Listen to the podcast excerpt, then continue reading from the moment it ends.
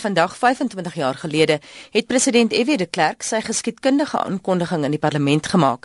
Verbande organisasies soos die ANC en die PAC is ontban. Politieke gevangenes soos Nelson Mandela sou vrygelaat word en onderhandelinge sou plaasvind op die land om die land op 'n nuwe nie-rassige pad te plaas.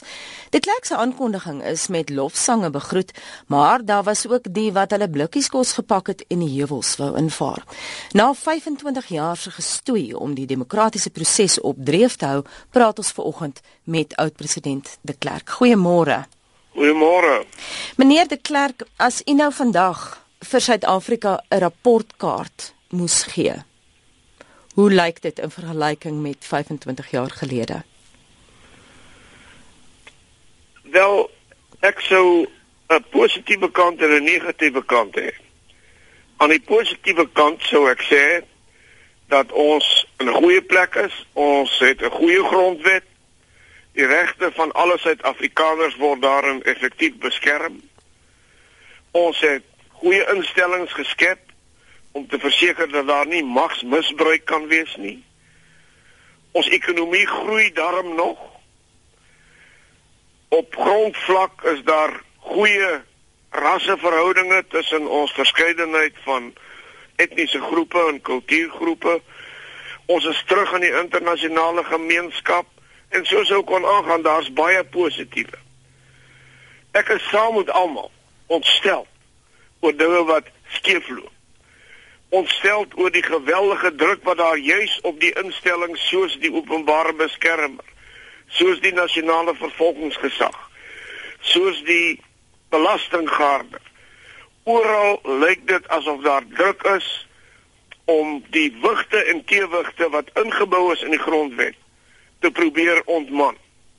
En ons moet opstaan daarteenoor en ek is bly om te sien die burgerlike gemeenskap doen dit en hopelik sal oppositiepartye effektief wees in hulle verset daarteenoor en hopelik sal die elemente in die ANC wat self ontstel is daaroor ook hulle self begin om hulle uh, begin om hulle self te laat geld. So daar's baie dinge wat rede tot bekommernis gee. Maar die basiese dinge is in plek. Opgesom uiteindelik wil ek sê vir diegene wat voel dit was baie beter in die ou Suid-Afrika. Is my boodskap 'n eenvoudige een moenie probeer vergelyk wat lekker was en goed was in die ou Suid-Afrika met wat skeef en nie lekker is in die nuwe Suid-Afrika nie. Dink jouself in. Hoe sou Suid-Afrika gelyk het as ons vasgeklou het aan 'n onregverdige bedeling waar 'n minderheid oorheers het oor 'n meerderheid?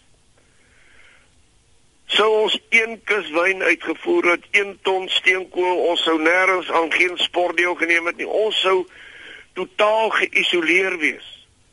Miskien sou ons so Sirië lyk. Meneer de Klerk, dus met al sy vratte en al, is die nuwe Suid-Afrika beter as die ou Suid-Afrika. Nee, de Klerk, ons het luisteraars vanoggend gevra om te reageer op die toespraak en een luisteraar het geskryf na aanleiding van ons insetsel kwart voor 7. Die opgewonde en ek haal hom aan, die opgewonde insetsel weerspieël nie die werklikheid nie. EW is die grootste verraaier. Dit is die tipe kritiek waar uh, aan u seker nou al gewoond is en wat u baie gehoor het. Maar wat sê u vir so 'n luisteraar? Dis die kritiek van 'n van 'n van 'n relatiewe klein minderheid blankes. Hulle het almal nee gestem in die referendum. Hulle was van meet af aan teen hervorming. Hulle wou vasklou aan apartheid. En ek sê vir so 'n verraaier, gaan dit baie slegter met jou vandag as wat dit gegaan het met jou in die ou tyd. Ek sê vir so iemand wat vir my 'n verraaier noem. Ek verloor nie slaap daaroor omdat jy ongelukkig nie verstaan dat jou seun sou 10 teen 1 in die slagveld gesterf het as ons nie gedoen het wat ons gedoen het nie. Ons sou 5 jaar diensplig gedoen het. Ons land sou in 'n staat van beleg wees. Asseblief sê ek vir so 'n persoon, maak jou oë oop en kom en word deel van die oplossing in steede van om in 'n hoekie te sit en kla. Meneer de Klerk, is daar iets waaroor u spyt is of wat hy anders sou gedoen het?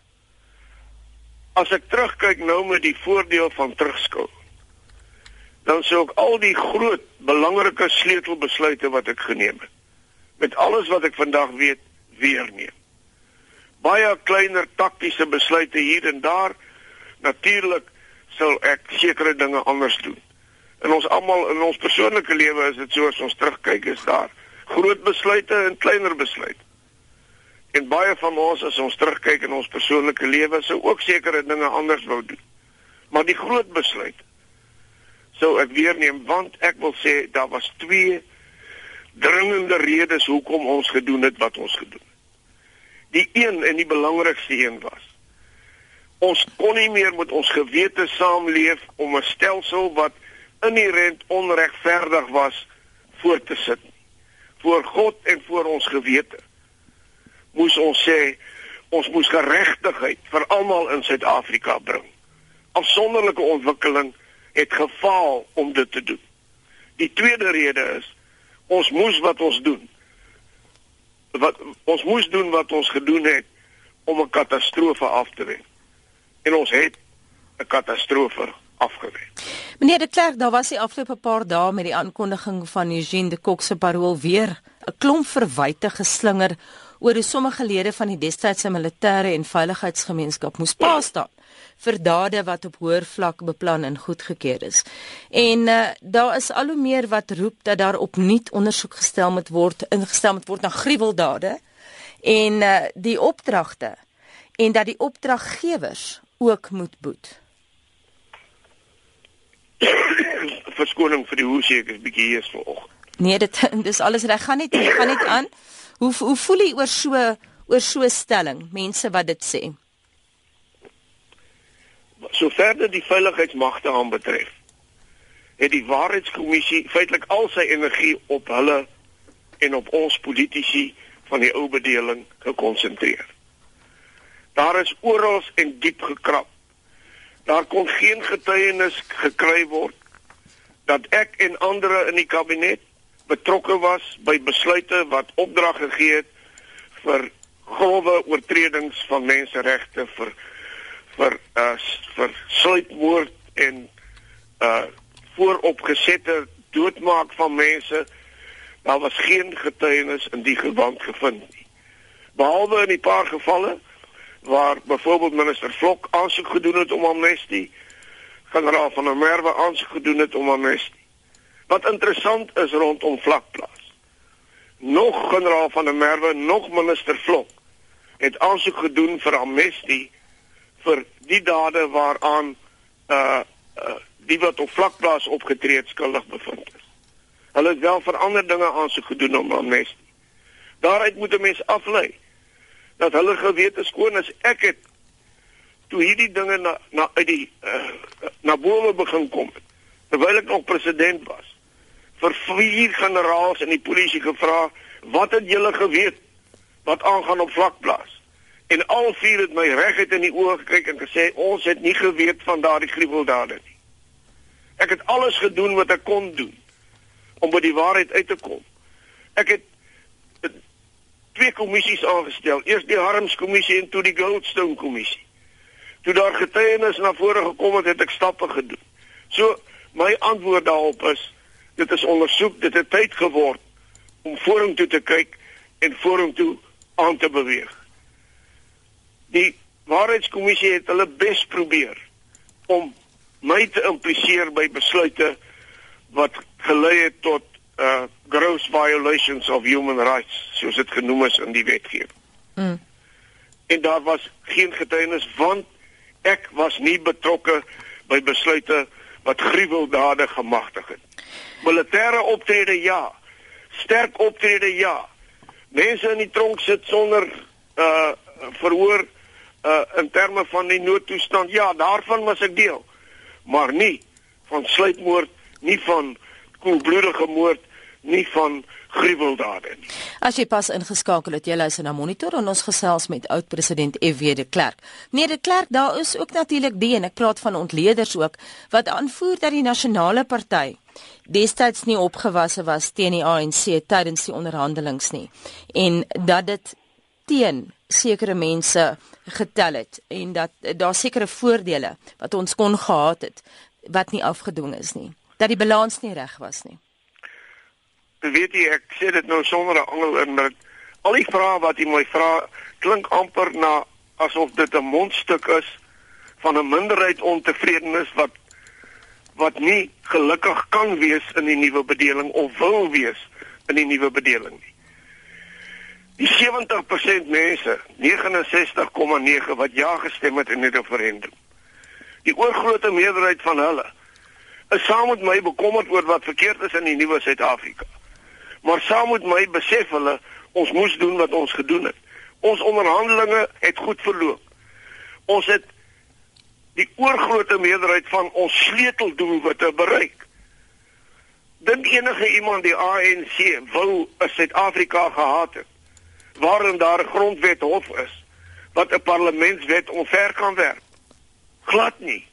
Verre daarvandaan. Hulle wil alle mag oorneem. Hulle wil alles nasionaliseer. Hulle wil alle grond vat. Al daardie dinge is afgewend. Daar's effektiewe beskerming van eiendomsreg in die grondwet en soos ook om aangaan, dis 'n goeie grondwet wat almal se regte waarborg, maar wat versekering bied teen magsmisbruik en wat basiese waardes en die basiese demokratiese waardes van ons uh, wat in ons harte lewe in stand hou en effektief beveilig. Meneer Dit was daar hier en daar dinge waar ons toegewings moes maak wat ons graag nie sou wou maak nie. Maar so was daar baie toegewings wat die ANC gemaak het wat hulle nie graag sou wou maak nie. En soos daar mense is wat die nasionale party verwyd dat hy te veel toegewings gemaak het. So is daar baie radikale elemente in die ANC wat sê nee Mandela en sy span het veel te veel toegewings gemaak. Hulle sê dit selfs in die openbaar. Meneer de Klerk, wat is die grootste uitdaging wat uh, ons op die oomblik in die gesig staar? Die grootste uitdaging is om ons onderwys en opleidingsstelsel in orde te kry sodat ons aan ons kinders volledige geleenthede gaan kan bied sodat elke kind ongeag ras of kleur, ongeag geslag sy of haar volle potensiaal kan bereik. Dit is die grootste enkele uitdaging en daarmee saam hang om die kwessie van uh werkloosheid opgelos te kry om dramatiese verbetering te kry in werkskepping wat dan by die derde bring en dit is om die land so te regeer dat ons aantreklik is vir investeerders. Baie dankie en so sê oud-president F.W. de Klerk en dit is natuurlik vandag 25 jaar gelede wat de Klerk sy geskiedkundige aankondiging in die parlement gemaak het. Verbande organisasies soos die ANC en die PAC is ontban en die vrylating van Nelson Mandela is aangekondig.